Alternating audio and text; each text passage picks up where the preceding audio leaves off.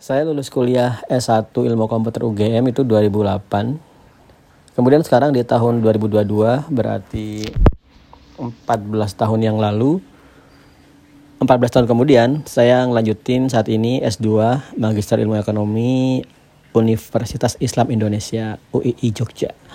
Oke, jaraknya lama ya 14 tahun dan itu pun ya bukan biaya dinas sih, bukan biaya instansi, tapi memang dari keinginan saya pribadi sehingga saya menggunakan uang pribadi untuk lanjut studi. Saat saya lanjut studi ada beberapa pertanyaan teman-teman yang menarik sih. Di antara gini, aku heran sama kamu, uh, ngapain sih lanjut kuliah lagi?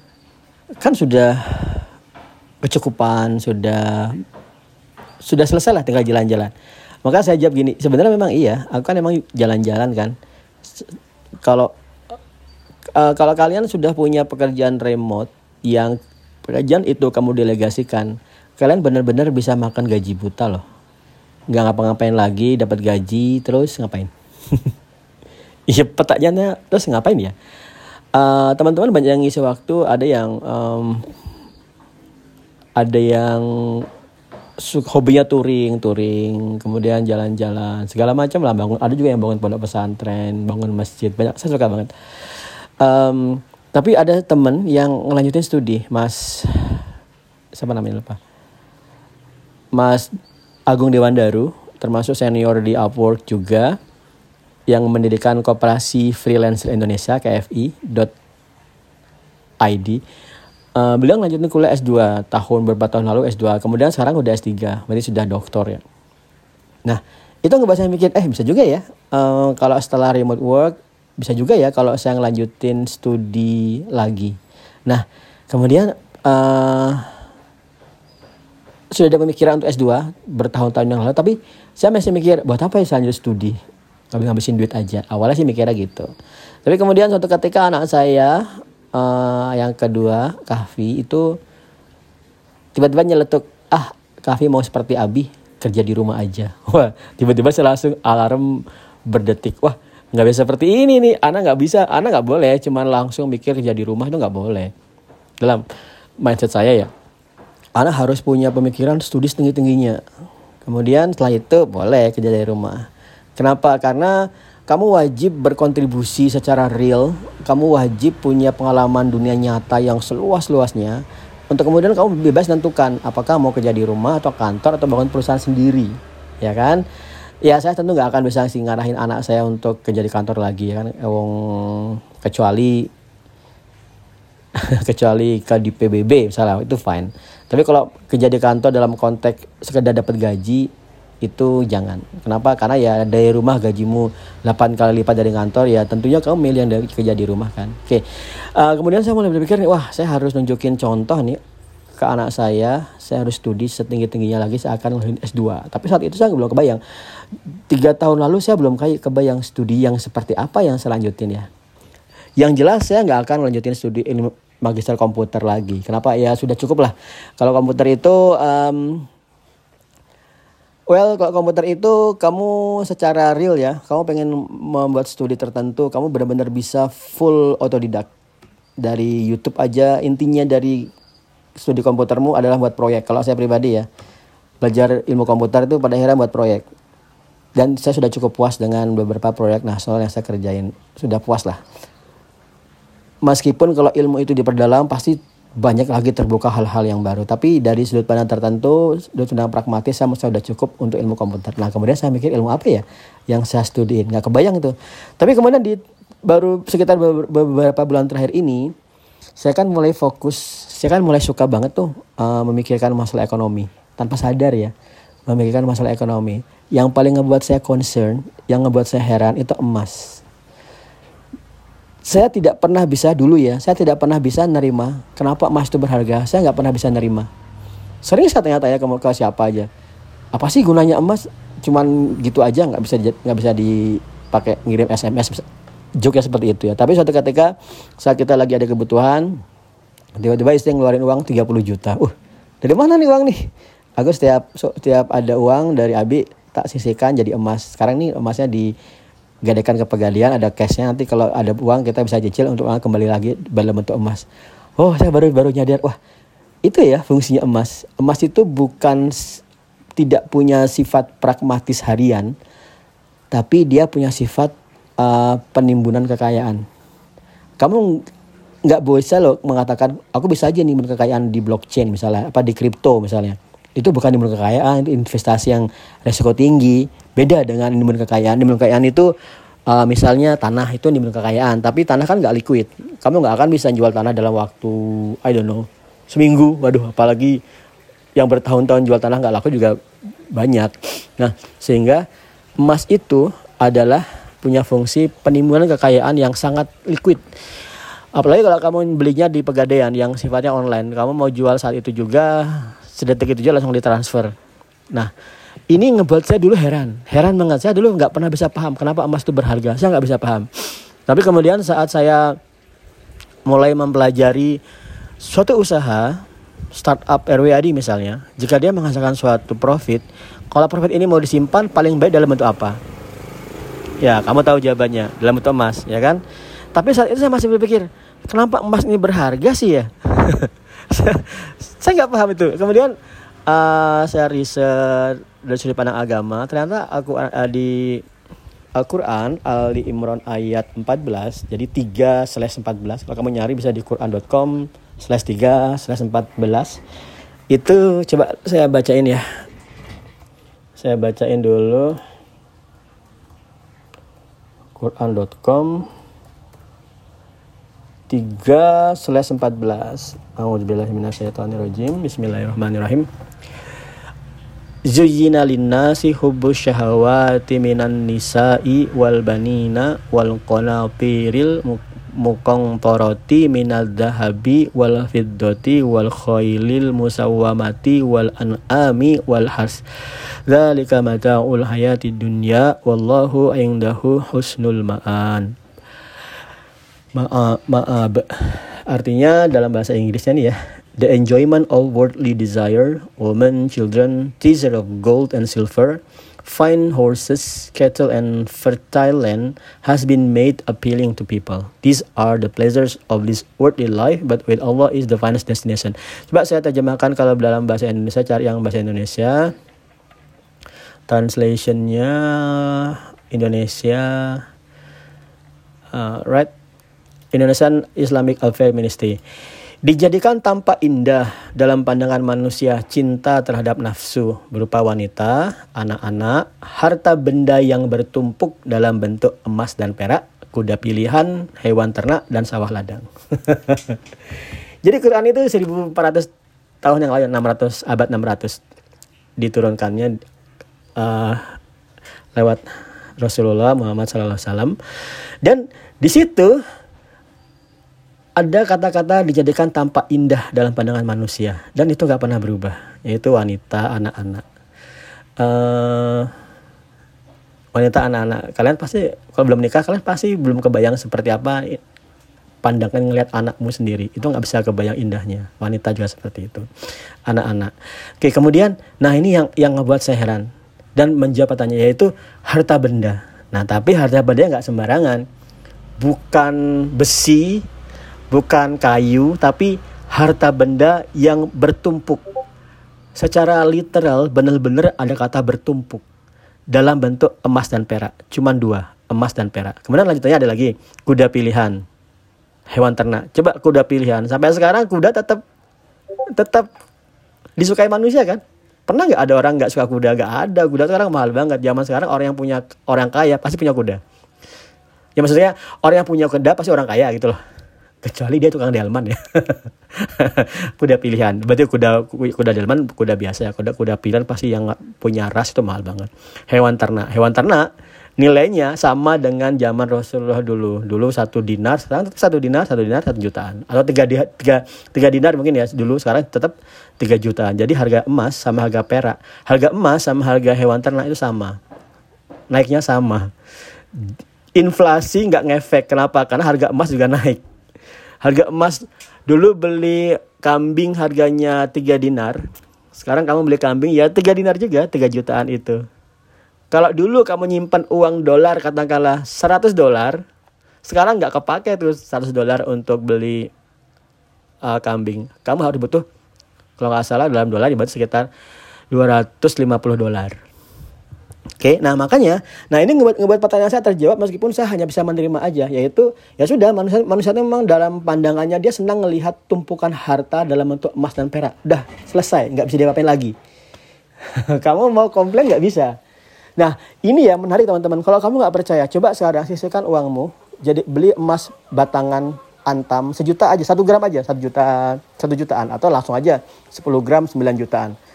Kemudian kamu simpan dan jangan beli dalam bentuk digital. Kalau dalam bentuk digital nggak ada efeknya, kan kamu cuma ngeliat saldonya aja kan. Dan kamu juga jangan mikir tradingnya. Jadi ah sekarang beli nanti nilai naik jual. Bukan seperti itu tujuan emas diciptakan untuk kamu tumpuk dan kamu lihat. Mungkin kamu mikir buat apa apa ya kok menumpuk dan melihat. Nah, ada satu teori yang namanya uh, ekonomi intrinsik. Saya singkat ekoin ekonomi intrinsik. Ekonomi intrinsik adalah motivasi, motivasi apa yang membuat kamu bekerja melakukan tindakan ekonomi. Paling ya survival ya kan, kebutuhan. Tapi bagaimana kalau ekonomi intriksimu, motivasimu adalah untuk menyisikan hasil kerjamu dalam bentuk emas. Emas itu nggak mudah kamu cairkan loh. Maksudnya gini, bukan gini. Emas itu mudah kamu jual, mudah. Tapi begitu kamu sudah megang dan kamu melihat dia bertumpuk, kamu pasti nggak akan kamu pasti akan berat banget melepaskannya. Kenapa? Karena indah. Dan kamu nggak bisa menolak bagaimana kamu diciptakan. Kamu manusia. Kamu nggak akan bisa menolak bahwa kamu suka dengan emas. Nggak bisa. Bahkan saya ya, saya belum pernah ngeliat emas sebenarnya. Tapi saat istri saya ngeluarin emas, oh seperti itu ya, baru-baru ini aja. Kemudian sekarang RWID setiap bulan dia nyisikan hasil profitnya ke bentuk emas dan saya ngeliat dia bertumpuk dalam brankas di Bank BPD Jogja itu sangat membahagiakan, sangat nyenengin banget. Itu yang membuat motivasi saya luar biasa. Wah seru banget, ada motivasi yang sifatnya duniawi, duniawi banget. Ya sudah nggak apa-apa. Nah, kenapa?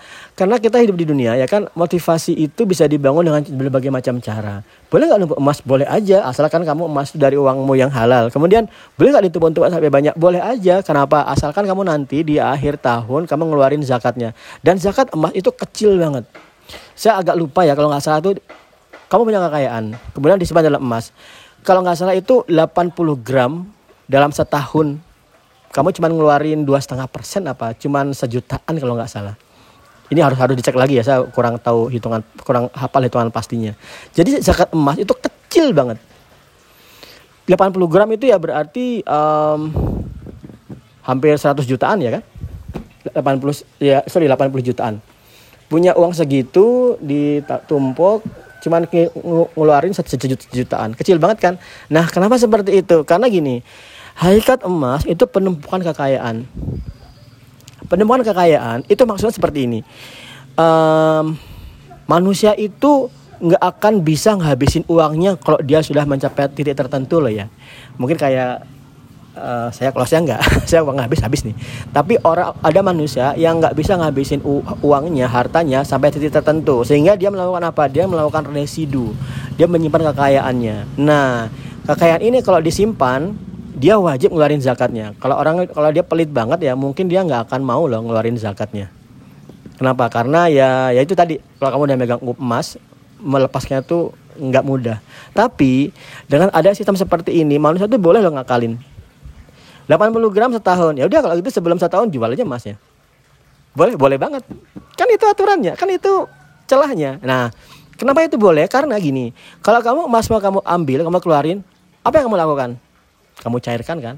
Kamu cairkan berarti kamu lakukan proses transaksi. Ya kan? Tapi kalau nyairinya tuh disimpan di dompet, eh, ya itu ngakalinya nggak bagus sih. Tapi setidaknya emasnya secara syariat, emasnya itu sudah nggak ada kewajiban untuk ngeluarin zakat. Nah, uh, saya pernah ngebaca uh, siapa namanya? Umar, Sayyidina Umar itu khalifah Rasulullah yang ketiga, Abu Bakar, Utsman, Umar. Beliau itu nggak senang kalau emas di Baitul Mal itu Baitul Mal bukan mall ya, Baitul Mal uh, rumah harta kaum muslimin itu numpuk. Kenapa? Karena nggak ada manfaatnya emas itu harus diputar. Kan juga kalau disimpan ke Baitul Mal akan berkurang zakatnya kan. Jadi nggak ada gunanya. Jadi emas itu harus diputar. Diputarnya dalam bentuk apa? Diputar dalam bentuk transaksi. Entah itu zakat, membiayai suatu usaha dengan sirkah, mudoroba dan lain sebagainya. Nah, Itu adalah salah satu alasan yang membuat saya lanjutin studi S2 Magister Ilmu Ekonomi Universitas Islam Indonesia. Aspek Islamnya itu wajib. Karena kalau nggak aspek Islamnya nggak ada ya saya cuma sekadar melajarin bagaimana caranya uh, ekonomi berjalan secara kapitalis ya. Jadi uh, ekonomi kita itu ekonomi kapitalis. Di dunia ini yang menang itu ekonomi kapitalis. Lawannya ekonomi sosialis. Tapi sebenarnya nggak ada dunia yang benar-benar bebas kapit bebas bebas seperti kapitalis yang liberal atau terpusat seperti uh, sosialis seperti RRC ya Cina ada seperti itu. Semuanya semuanya sudah ke pertengahan lah. Dalam contoh itu misalnya liberal seperti ini semua diatur oleh pasar. Harga diatur oleh pasar. Tapi kan nggak juga kan?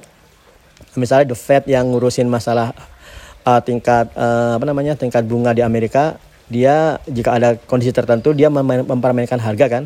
Menetapkan harga apa namanya menetapkan harga apa menetapkan biaya bunga agar inflasi berkurang orang nyimpan uang nah jadi nggak ada sih benar-benar ada dunia yang semuanya kapitalis murni atau semuanya sosialis murni semuanya jadi ke pertengahan nah pertengahan itu dalam masa saya itu adalah ekonomi Islam apa sih perbedaannya kok gini jadi perbedaannya kalau di liberal semua itu tergantung pasar aja.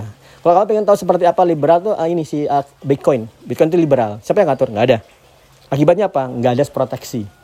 Kamu sekarang masukin 100 juta. Sorry, Bitcoin itu 300 juta ya. Kamu sekarang masukin 300 juta sekarang.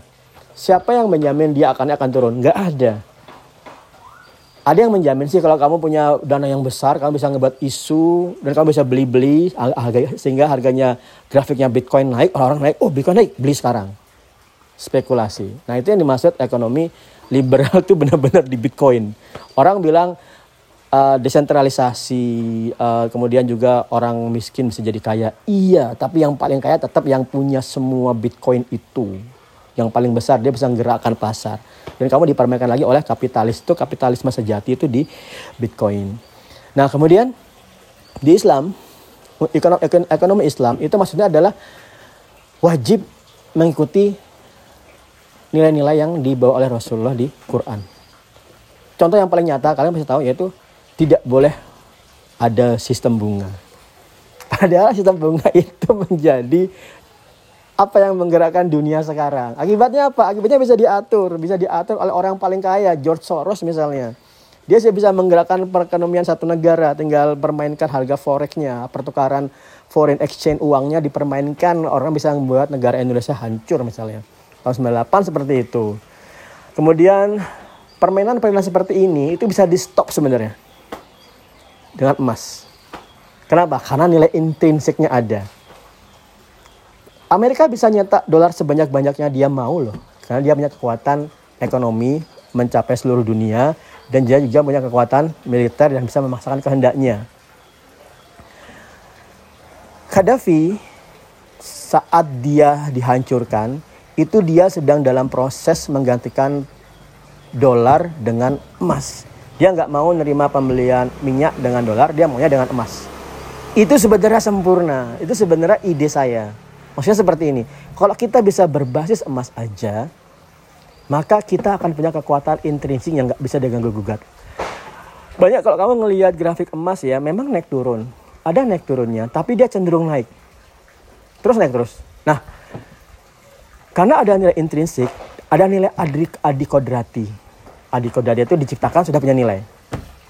Dan itu nggak bisa dengan gugat. Uh, tentang emas itu uh, uh, hadis Rasulullah yang tentang masa depan itu kan tentang uh, Efrat ya. Efrat itu sungai di Mesir.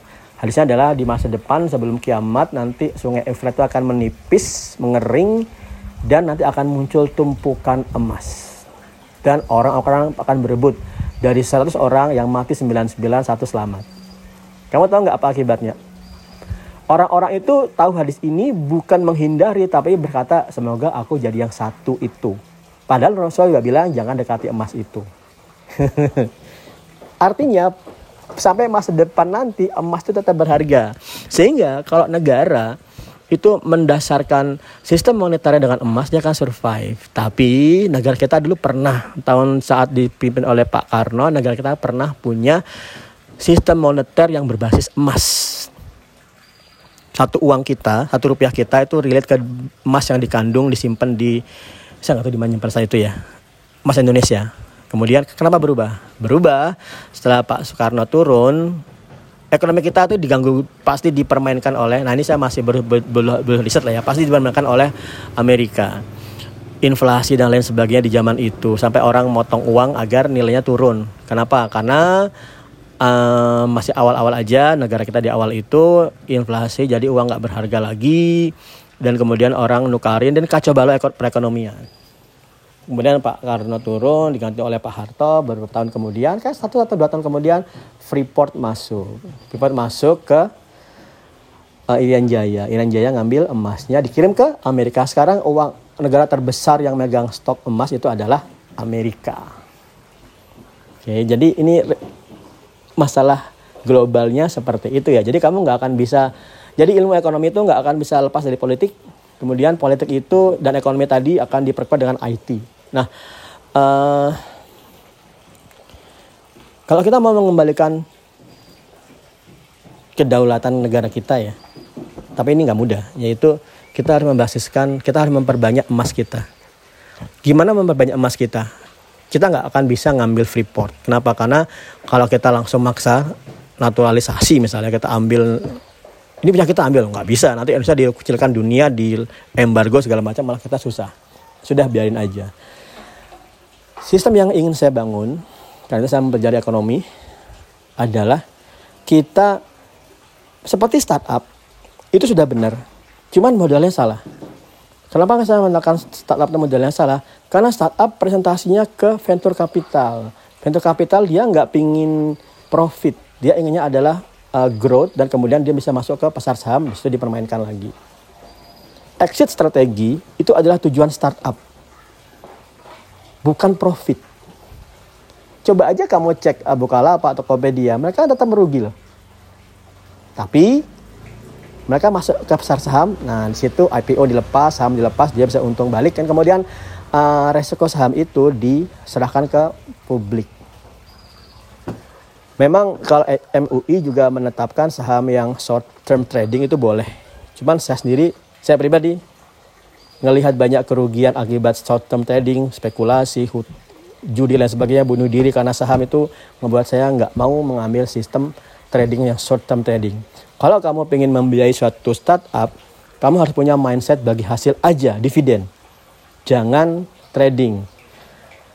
Tapi Pak kok untungnya banyak? Iya untungnya banyak. Tapi dari mana kamu untung? Kamu sekarang beli harga saham tertentu sejuta katakanlah. Kemudian naik harga sejuta lima ratus. Untung lima ratus rupiah ya. Tapi kalau kamu volumenya banyak kan jadi untung bisa puluhan juta ya kan? Uangnya dari mana itu? Dari bagi hasil penjualan produksi jasa startup? Enggak. Tapi dari orang yang beli di harga tinggi. Artinya dia rugi gimana kalau yang harga tinggi itu dia nggak bisa mencapai harga lebih tinggi lagi dia akan turun dia akan rugi berarti kamu ngambil uang mereka banyak yang bilang ya kan jembatannya sudah akad ya kok enggak transaksi seperti itu faktor spekulasinya itu luar biasa tinggi. Banyak yang bilang ya kalau gitu portofolio diversifikasi dibanyakin. Itu artinya cuman bagaimana kamu ngambil uang dari pool di A, kemudian kamu loss di sini, yang penting kamu untung di pool yang di B. Sama aja, bandar judi. Saya tetap mengatakan saham itu judi. Tapi saham itu minimal masih lebih baik ketimbang kripto. Kripto itu nggak ada nilainya Kripto punya nilai karena supply demand tinggi, tapi kripto itu tidak punya nilai realnya. Realnya nilai realnya cuma ditransfer aja. Karena udah sepakat punya nilai, tapi memangnya dia bisa memperbaiki ini apa? Kalau kamu punya kripto 100, memangnya dia bisa membangun apa coba? Nggak ada ya kan? Tokopedia beda. Kalau kamu mau modalnya Tokopedia, kamu lihat Tokopedia punya modal untuk menggerakkan uh, Gojek misalnya, GoTo ya GoTo, GoTo menggunakan Gojek. Ada nilai realnya. Kok kripto apa? Uangnya dipakai apa? Enggak ada. Ya kan? Karena itu saya dari aspek judi, saham meskipun soal trading itu setidak-tidaknya masih lebih baik ketimbang kripto tadi. Nah, sistem yang saya bangun, yang ingin saya bangun itu adalah uh, kita punya banyak permasalahan di Indonesia. Untuk itu kita tidak kita memang sorry untuk itu kita memang mengembangkan startup tapi pemodalannya bukan dari venture capital ya pemodalan adalah dari orang-orang masyarakat kita sendiri yang memodali startup itu dalam bentuk skema kerjasama koperasi. Kalau crowdfunding itu bukan kepemilikan. Crowdfunding juga yang saya lihat cuman bagi hasil dari persentase modalmu. Jadi kayak riba deh. Masukin 10 juta, untung 2% dari modal. Ya, kamu nggak tahu sebenarnya dia untung berapa perusahaan itu. Ya kan? Tolong correct me if I'm wrong kalau ada suatu crowdfunding yang membagi profit berdasarkan profit perusahaan. Kalau ada, let me know. Sebenarnya saya tahu nggak ada. Cuman fix bagi hasil itu nggak itu ah kesannya riba ya kan. Nah kalau di yang saya bangun itu adalah sifatnya sirkah kerjasama. Kerjasama di mana ada orang yang punya ide, CEO, calon CEO punya ide. Kamu punya modal, kamu nggak punya ide, maka kamu memodali CEO untuk membangun solusi profitnya 50-50. 50-50 itu antara CEO sebagai founder dengan pemodal. 50-50. CEO nggak boleh cuma 20%, nggak boleh, dia harus 50-50. Kenapa? Kan dia yang bangun e-sistemnya loh.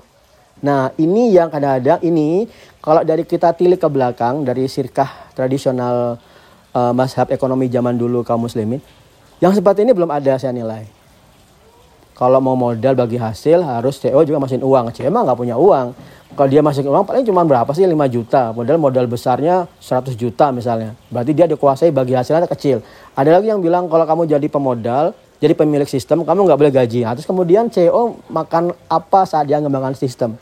Karena itu sistem sirka ini harus dimodifikasi harus diusulkan yang baru di mana CEO selain mendapat gaji dia juga mendapat 50% kepemilikan. Kenapa 50% karena adil. Jangan sampai CEO pada suatu masa dia nggak punya bagi hasil dari sistem yang dia bangun. Itu berbahaya banget, nggak adil, ya kan? Uh, setelah dia ada bagi hasil seperti ini, kemudian ini tentang emas. Kita tidak boleh memvaluasi suatu bisnis dengan hitung-hitungan yang sifatnya intangible. Kalau kamu tahu uh, bagaimana suatu startup dinilai 10 dinilai sebagai unicorn, saya lupa berapa kategori unicorn. Kamu akan lihat dia tidak dinilai berdasarkan aset yang tangible, tapi juga ada yang sifatnya intangible. Misalnya uh, brand ya, terus juga sifat CO segala macam itu dinilai. Sebagai contoh ya, misalnya gini, kalau kemarin uh, eh, CO-nya Bukalapak sebelum yang sekarang siapa namanya Zaki ya. Sepertinya ini belum belum belum belum IPO sih ya, belum IPO ya. Apa sudah saya agak lupa. Sudah dia nge-tweet tentang presiden ganti presiden langsung turun kan saya lupa itu dia sudah IPO belum sepertinya belum tapi anda kata dia saat itu sudah IPO saat dia nge-tweet pasti harga sahamnya turun pasti itu kok bisa karena uh, karena sentimen pasar negatif artinya nilai suatu perusahaan di pasar modal itu tidak ada hubungannya dengan kemampuan dia untuk menghasilkan barang atau jasa. Nilai realnya itu nggak ada. Jika nilai realnya itu ngaco. Saya bilang ngaco aja ya. Banyak orang bilang ini kan sudah ada standar ya standarnya dirubah. Standar itu bukan untuk diikutin, untuk dirubah kamu temukan standarmu sendiri. Ya kan? Nah, kemudian gimana? Nah, sistem yang saya bangun nilai awal suatu usaha, suatu startup tidak ditentukan dengan kemungkinan dia untung. Tapi ditentukan dengan kebutuhan dia berproduksi selama satu tahun. Nah ini asik kan? Bisa aja dia untung berpuluh-puluh kali dari hasil itu. Tapi ya nggak apa-apa. Pokoknya aku punya ide nih. Aku butuh gaji untuk menunjang hidupku selama setahun sekian. Kemudian aku butuh beli barang-barang produksi sekian dan segala macam. Tentukan ada misalnya satu miliar misalnya. Untuk setahun. Modal masuk. Ya mungkin modal nggak akan masuk miliar sih. Paling ya kok bisa 100 juta udah bagus banget. Satu juta berarti hanya 10 persen kan. Nah udah jalan aja. Nanti kalau butuh modal maka founder bisa nawarin ini ke suatu marketplace yang sedang saya pikirkan aja. Ditawarin aku butuh uh, perusahaanku sudah berjalan, sudah ada untungnya, kamu bisa lihat untungnya dan wajib di langkah awal perusahaan itu wajib langsung mikir untung. Nggak boleh rugi. Rugi kamu makan uang dari mana? Ya kan? Jadi lean startup kalau di buku Lean Startup itu intinya adalah modal kecil untuk growth sebesar-besarnya, maka saya menggunakan konsep UMKM aja. Modal kecil untuk untung yang sebesar-besarnya growth nomor dua. Wajib untung terlebih dahulu di awal agar kenapa? Untung itu agar disisihkan dalam bentuk emas sebagai penimbunan kekayaan. Kekayaan suatu startup. Kekayaan ini adalah nilai dari startup itu. Jadi katakanlah sekarang satu miliar, ya kan? Saat dia mulai satu miliar, ya udah itu nilai segitu karena memang kebutuhan seperti itu. Kemudian kalau dia sudah bisa mengumpulkan emas, maka yang sedang saya usulkan adalah, yang sedang saya susun adalah nilai startup itu dijadikan dua kali tergantung emasnya terkumpul 100% dari nilai awal. Maksudnya gini, kalau emasnya tadi penilaian satu miliar itu adalah satu kilo. Jadi satu miliar cuma satu sekilo emas lah ya. sekilo itu ya berarti kecil banget lah sekilo itu. Kamu bisa pakai angkat dengan tanganmu satu miliar. Nah, kalau dia bisa ngumpulin satu miliar, maka nilai startup itu sekarang adalah 2 miliar. Jadi satu miliar sebagai produksi setahun, kemudian satu miliar adalah nilai uh, emasnya. Nggak bisa cuma nilainya berdasarkan emas aja. Kalau nilainya berdasarkan emas aja berarti ya itu ah, nggak ada artinya dengan sama aja dengan menggadaikan emas ya kan? Oke. Nah artinya incremental atau kenaikan harga kenaikan nilai dari suatu bisnis atau startup itu dipastikan akan naik terus selama dia bisa ngumpulin emas kalau dia butuh modal sanggup sebenarnya dia nggak perlu buka pemodalan lagi ya katakan kan tadi kan misal sekarang ini uh, startup yang nilainya kebutuhan satu miliar, kemudian dia jalan tiga bulan bisa ngumpulin 30 gram, berarti sekitar 30 juta. Kalau dia butuh modal, dia bisa menawarkan itu ke orang lain atau menggunakan yang 30 juta ini. Atau katakanlah sudah ngumpul 200 gram ya kan. Wah, itu 200 juta loh. Kemudian aku butuh modal ya bisa aja jual apa gadekan emas ini dengan kesepakatan pemodal kemudian diarahkan untuk memenuhi kebutuhan ke depan atau kalau mau bisa masukin pemodal baru pemodal baru yang masuk ini kamu lihat tidak akan mengurangi porsi pemodal yang lama. Kenapa? Karena kita udah netapin satu miliar dan yang isi baru 100 juta. Masih ada 900 juta pemodal baru, ya kan? Tapi pemodal baru yang masuk tidak boleh sama dengan harga dengan pemodal yang awal. Kenapa? Karena sekarang perusahaan sudah benar-benar untung dan bisa ngumpulin emas. Tidak disamakan orang yang join di awal dengan join di akhir ya kan? Kalau kamu join di akhir banget maka kamu dulu misalnya yang awalnya masukin 10 juta satu persen. Sekarang di akhir kamu masukin 20 juta satu persen. Kan sudah 2 miliar. Nah ini sebenarnya kalau secara legal saya cuma ngelihat beberapa aja kesamaannya. Koperasi satu pemodalan kepemilikan. Dewan koperasi kedua adalah uh, saham nggak ada saham nggak boleh ada jadi nggak akan masuk oleh saham.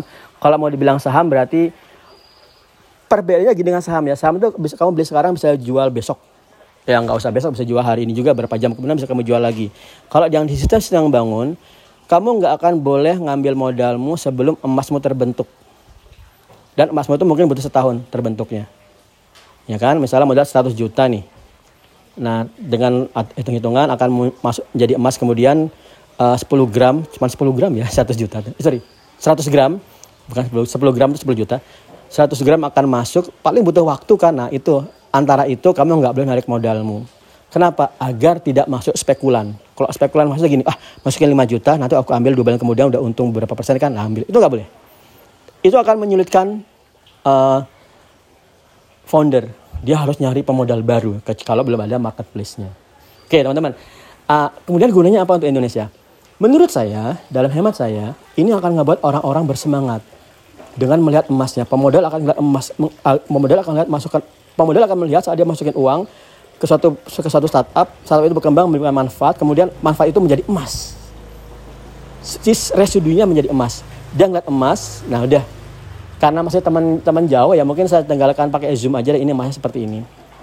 Biar kamu bersemangat. Oke. Kemudian setelah ini masuk, ningkatin semangat. Kalau ini terjadi terus menerus seperti apa? Anda kata ada 10 seperti ini, berarti semakin lama tumpukan emas yang dimiliki masyarakat Indonesia akan semakin tinggi, semakin banyak kan, akan semakin menumpuk. Dan ini akan menjadi modal untuk pengembangan startup-startup selanjutnya. Kalau dari sistem negara, apa yang terjadi? Kalau dari sistem negara, kamu akan bisa membayangkan seperti ini. Negara punya emas. Emas ini numpuk emas ini nggak boleh dikonsumsi begitu aja. Emas ini harus dicairkan dan digunakan untuk memberikan pembiayaan untuk para CEO, orang-orang UMKM, dan mereka nggak perlu mikir berapa persen bayarnya. Yang penting kamu sekarang minjam 10 gram, besok kembali 10 gram. tidak ada bunga. Ingat, tidak ada bunga. Nah ini dia yang menarik. Nggak ada bunga itu bukan berarti aku nggak bisa tambah kaya dong. Bisa banget kamu tambah kaya. Kekayaan negara bukan berarti dia bisa menumpuk dari 10 gram jadi 20 gram. Enggak. Kekayaan negara adalah dia bisa menggunakan 10 gram yang ada di baitul malnya itu, reservasi emasnya itu untuk membiayai uh, rakyatnya agar rakyatnya bisa mandiri berkembang dan kembalikan lagi 10 gramnya. Selesai. Benefitnya adalah ke masyarakat itu sendiri. Masyarakat tambah berkembang, tambah menghasilkan solusi-solusi lagi tanpa ada bunga. Kalau sekarang enggak loh, sekarang itu pembiayaan itu pakai bunga.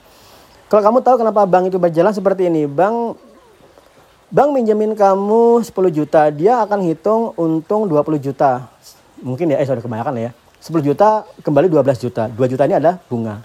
Kenapa dia bisa seperti ini? Karena dia memberikan uh, promosi di perusahaannya.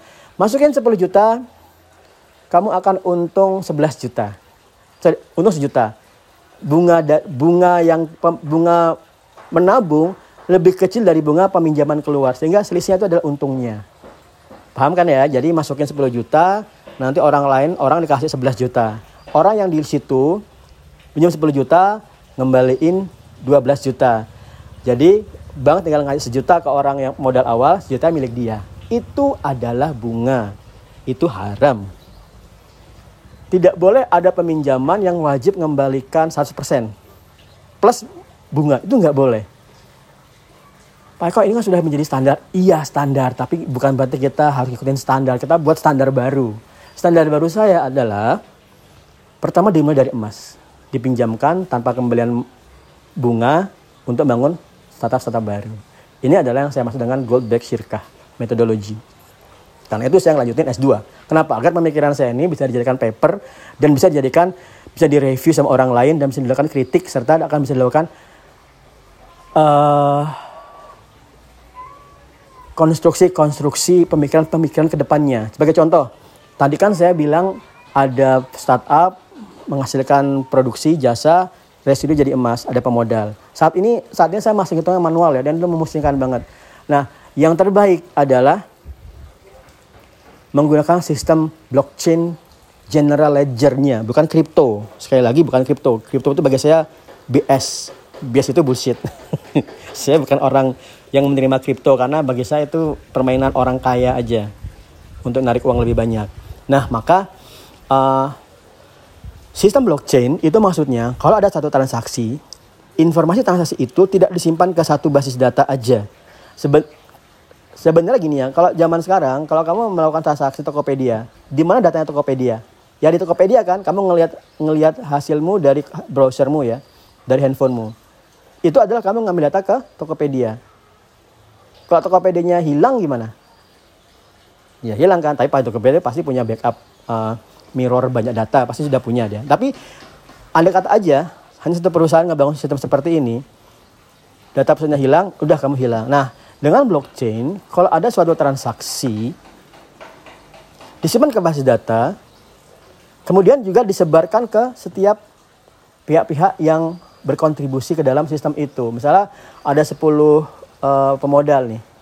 10 pemodal ini bergabung ke RWI, uh, bergabung ke gold base Shirka ini atau Shirka emas, kemudian dia melakukan transaksi. Transaksi ini tentu diverifikasi dulu transaksi pembelian misalnya transaksi, tambahan modal misalnya. Diverifikasi setelah diverifikasi oleh sistem maka sistem mengupdate seluruh orang-orang yang memegang basis datanya. Sehingga semua orang punya basis data yang sama. Kalau ada orang mau coba-coba berubah nggak akan bisa. Contoh misalnya ada sel. Ada sel 10 juta.